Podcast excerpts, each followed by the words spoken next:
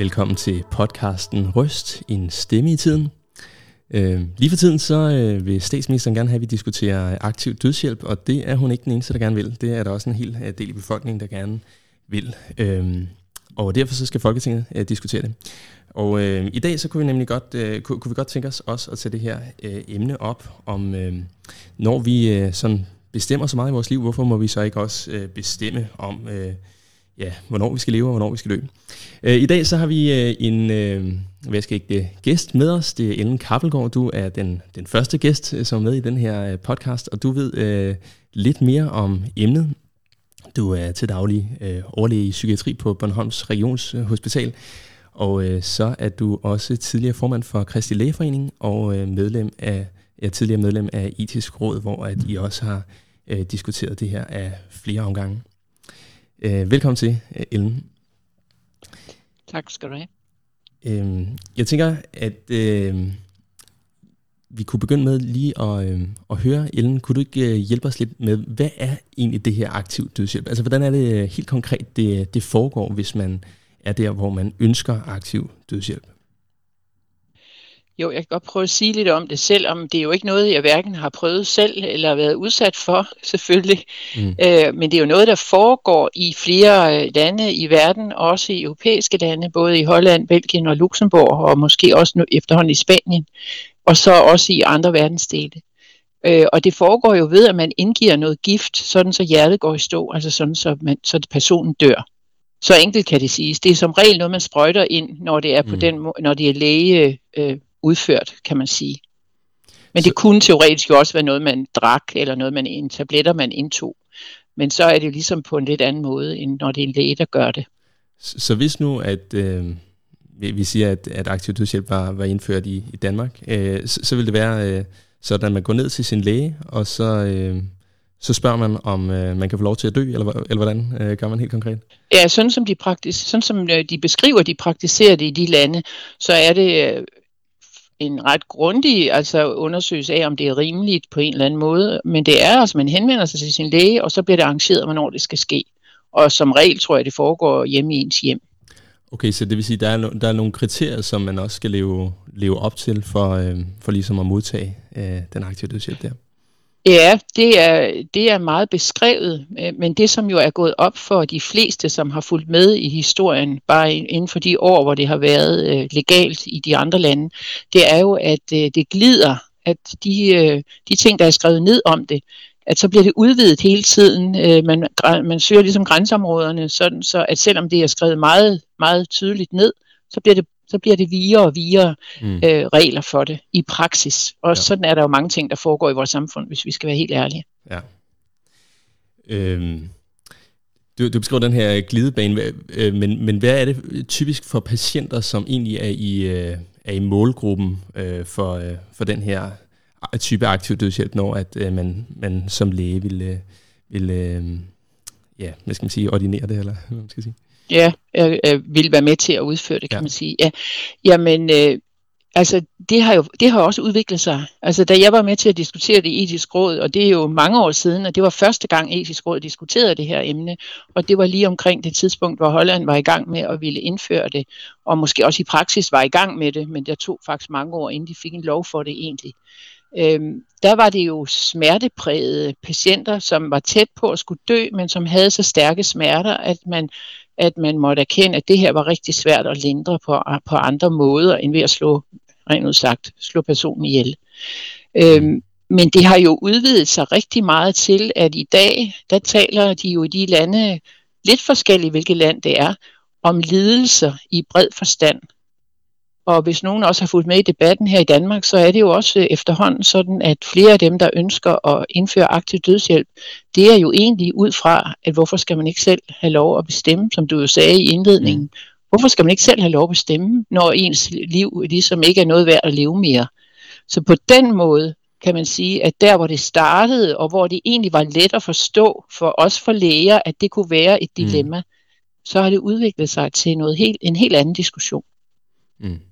Øh, Ellen, jeg kunne godt tænke mig lige at gribe fat i det her, du siger med øh, øh, den her gruppe af patienter, som øh, ligesom ja, er, i, er i lidelse, og de er måske et sted, hvor man, man kan ikke forvente, at der er nogen, øh, nogen bedring, og, og det vil så være der, øh, man måske øh, vil, vil benytte sig af, af det her i udgangspunktet.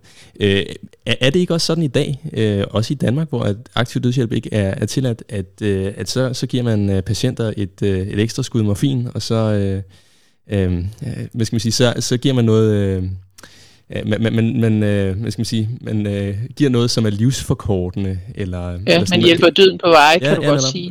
Hvordan tænker Jamen, du, det at det er, adskiller ja. sig fra det her fænomen af aktiv dødshjælp, hvis du tænker det? Jamen det kan også være rigtig svært at forstå. Men det er faktisk sådan, at tilbage i 92, netop da den her debat jo kørte, øh, der, der blev der lavet en tilføjelse til lægeloven, at det er faktisk fuldt lovligt når der er brug for smertestillende og lindrende medicin hos en person, som er uafvendeligt døende, hedder det. Mm. Og det er jo altså ikke hvem som helst, men der hvor man ved, at det her det er kun et spørgsmål om, at, man, kan for, man kan forlænge livet lidt måske, øh, eller personen vil snart dø alligevel, så må man gerne indgive lindrende og smerte, smertelindrende medicin. Mm. Også selvom der er risiko for, at det afkorter døden. Men det er, det er faktisk et ret tydeligt krav, at man må ikke gøre det for at afkorte for at afkorte mm, livet, mm, okay. altså for at fremme døden. Det er den modsatte vej, og selvfølgelig kan det diskuteres, men det er fuldt lovligt. Og det er noget andet end aktiv dødshjælp. Og mm. det er i hvert fald noget helt andet end den form for aktiv dødshjælp, vi nu snakker om. Mm. Hvordan tænker du, at øh, hvad, hvad er den etiske forskel, hvis du skulle sige om det? Jamen det er, at, øh, at, at, man, at man linder, at vi er sådan, sådan opfatter jeg også vores lægerolle, at en stor del af det, vi er sat til, når vi ikke kan kurere, så er det at lindre. Og på den måde hænger det også godt sammen med, at vi godt må give lindrende medicin, også selvom vi risikerer, og det gør man med morfin og andre øh, af den slags medicamenter, man risikerer, at man afkorter livet lidt. Men, og derfor må det kun gives til en, som alligevel, han er sagt, er i gang med at dø. Altså man kan sige, at det som vi, øh, man må godt prøve at hjælpe i forhold til at have en plagsom død. Mm. Men i dag har det næsten udviklet sig til, og det er faktisk en af mine kolleger, Ole Hartling, som jo har skrevet rigtig meget om det her med aktiv ja. dødshjælp. Han har skrevet meget, meget, synes jeg, øh, tydeligt, at nu er det gået over til, at man ønsker et middel til at afslutte et plagsomt liv. Mm. Altså noget helt andet, end at, end at prøve at hjælpe på en plagsom død. Mm. Ja. Kunne du ikke prøve at beskrive for os, øh, hvilke muligheder har man i sundhedsvæsenet i dag for ligesom at, øh, at afhjælpe øh, smerte hos lidende patienter? Fordi jeg, jeg tænker, øh, hvis nu at øh, det er at afhjælpe en plage som død, altså kan man så afhjælpe det på, på anden vis, end ved lige, lige frem at, at afslutte livet? Det lyder jo øh, som en drastisk løsning. Nej, men det gør man jo med smertestillende midler af forskellige slags. Og nu er der jo stor forskel på, hvad det er for nogle smerter. Det er jo sådan en rent faglig ting som jeg faktisk ikke arbejder med til daglig. Men, øh, men det er jo smertestillende midler, og man starter med selvfølgelig med noget af det, som, man, øh, som er det mildeste, men hvis der er brug for stærk medicin og for eksempel morfin, så bruger man det. Men man bruger det ikke sådan, som du nævnte til at starte med, altså giver man et ordentligt skud, så vedkommende dør. Men man giver det i måske stigende mængder, for det kan man blive nødt til, hvis ikke mm. det hjælper nok. Så det er jo i virkeligheden det, man stadigvæk kan bruge. Ja. Øhm, Ellen, du har, som jeg nævnte i indledningen, så har du øh, siddet med i etisk råd, hvor I øh, af flere omgange har, øh, har diskuteret det her. Øhm, kan du prøve at beskrive for os, hvad er det ligesom øh, debatten den har kredset om der i øh, etisk råd? Jamen, øh, jeg tror faktisk, man må sige, det har jo også, øh, det har jo også udviklet sig. Altså, dengang jeg var med til at diskutere det, der var det rigtig meget det med, at skal, øh, skal de få tilfælde, som, vi, som måske er, er der stadigvæk, selvom vi er blevet utrolig gode til at lindre smerte. Meget bedre end bare for 20 år siden. Øh, og det, vil vi også, det vi, hører vi jo også fra hospicelæger og i hele taget de læger, der har med det at gøre, at de er blevet meget, meget dygtige til det her. Øh, skal vi, øh, fordi der kan være enkelte tilfælde, hvor, hvor alle måtte sige, hold op, her, her kan vi virkelig godt forstå, der er tale om, at vedkommende gerne vil have en sprøjte for at afslutte det her liv. Skal vi ud fra de få tilfælde, for de bliver færre og færre de tilfælde, skal vi ud fra det lave en lov om, at det er lovligt. Og det er jo faktisk blevet, dengang jeg diskuterede det, øh, og sammen med de andre i etisk råd, der havde vi jo slet ikke den der historik bagved, som vi har Nej. nu. At vi ved, at selvom de i Holland og Belgien hele tiden har sagt, det har vi fuldstændig styr på, så har det jo faktisk vist sig, at ud fra hvad vi i hvert fald bedømmer, de fleste læger i Danmark bedømmer, så har de ikke haft styr på det. Det har udviklet sig fuldstændig vildt øh, til, at det nu er hver fjerde eller femte dødsfald, som, som, øh, som sker ved aktiv dødshjælp i Holland for eksempel. Og at det i, øh, for at nævne et andet eksempel, at det i Kanada har udviklet sig til psykiatriske patienter, sådan så faktisk, at nogle af de psykiater, der egentlig i starten gik ind for det, at man kunne have aktiv dødshjælp sådan generelt, de, står nu, de, de går nu ud af deres øh, fagforening, fordi de kan ikke være med i det her, af rent etiske grunde. Så, så det du reelt er bekymret for, det er, at øh, man, øh, hvad skal man sige, tillader øh, mennesker, som er nedtrykte eller føler sig til øh, besvær og afslutte, afslutte øh, deres liv på den her måde? Ja, altså det er både, man kan sige, både dem, som, som netop føler sig til besvær, og det er der jo mange, der er faktisk mange gamle i vores samfund, som føler sig til besvær, og det er jo ikke, nu, nu har vi jo heldigvis holdt op med at tale så meget om så, den såkaldte ældrebyrde, men på det tidspunkt, hvor det var helt almindeligt at tale om det, det var jo virkelig noget, som, som øh, ældre mennesker følte sig ramt af. Og, øh, og, det der med, at så nogle pårørende kan spørge, jamen vil du egentlig gerne have aktiv dødshjælp? Det er da let at forestille sig, at så synes man, så må man hellere sige, ja, det vil jeg gerne. Det er den ene gruppe, men den anden gruppe er så de for eksempel psykiatriske patienter, som jeg jo kender mest til, og også andre, som jo måske kunne blive helbredt, er så i den fase, hvor de har det rigtig skidt, og hvor det, er op, hvor det opgiver, opgiver det hele, og hvor det trækker ud med bedringen, at man så vil vælge aktiv dødshjælp. Det er jo faktisk frygteligt trist at tænke på. Mm. Men, men Ellen, hvorfor er det lige, øh, hvorfor er det lægerne, der øh, ved bedst, om man øh, har brug for at afslutte sit liv? Altså er det ikke øh, en selv, som, øh, som lever med sin egen øh, krop og sit eget sind og sådan noget der, som øh, bedst er i stand til at kunne vurdere det? Jo, altså jeg tror måske ikke, det er den enkelte, der er bedst til at lovgive i vores land. Fordi at man kan jo netop kun tænke ud fra sig selv, og trods alt skal lovgivningen jo altså komme alle til gode, ikke mindst de svage også.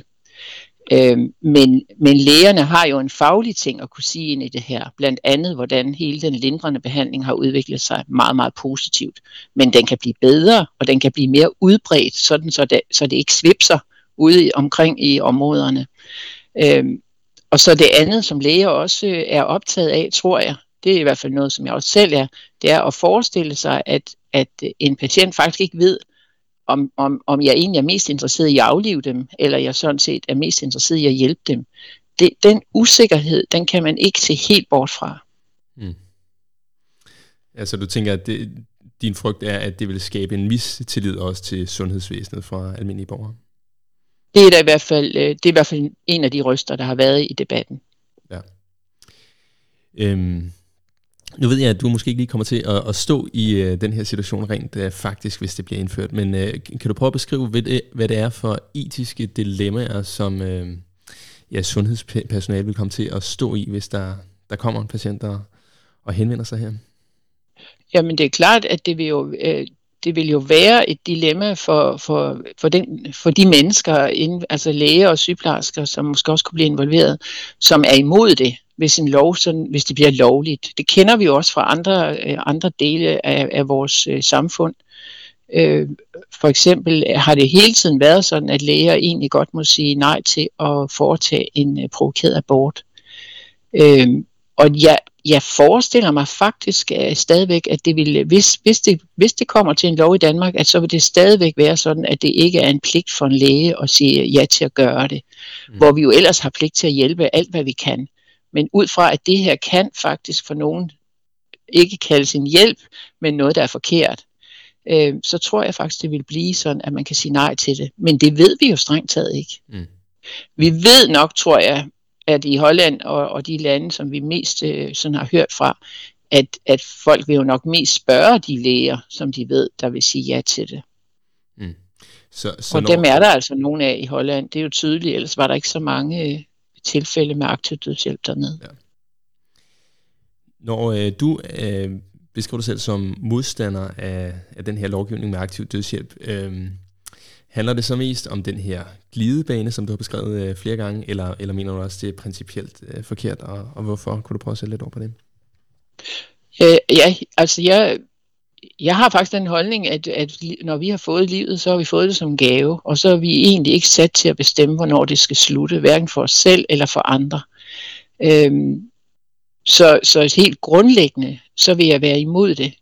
Men, men når jeg så opfatter, at der også er så mange rent helt almindelige ting, som taler imod, så bliver jeg bare endnu mere overbevist om, at det er en rigtig dårlig idé, også selvom vi har et sekulariseret samfund. Mm. Tusind tak for det, øh, Ellen. Uh, jeg, jeg tror, vi vil sige øh, tak til dig her øh, i studiet, og så vil vi fortsætte samtalen her om emnet i studiet. Tak fordi du lyttede med til podcasten Røst. Podcasten er støttet af Luthers Missions Højskole og Norea Mediemission. Vi vender tilbage med nye afsnit.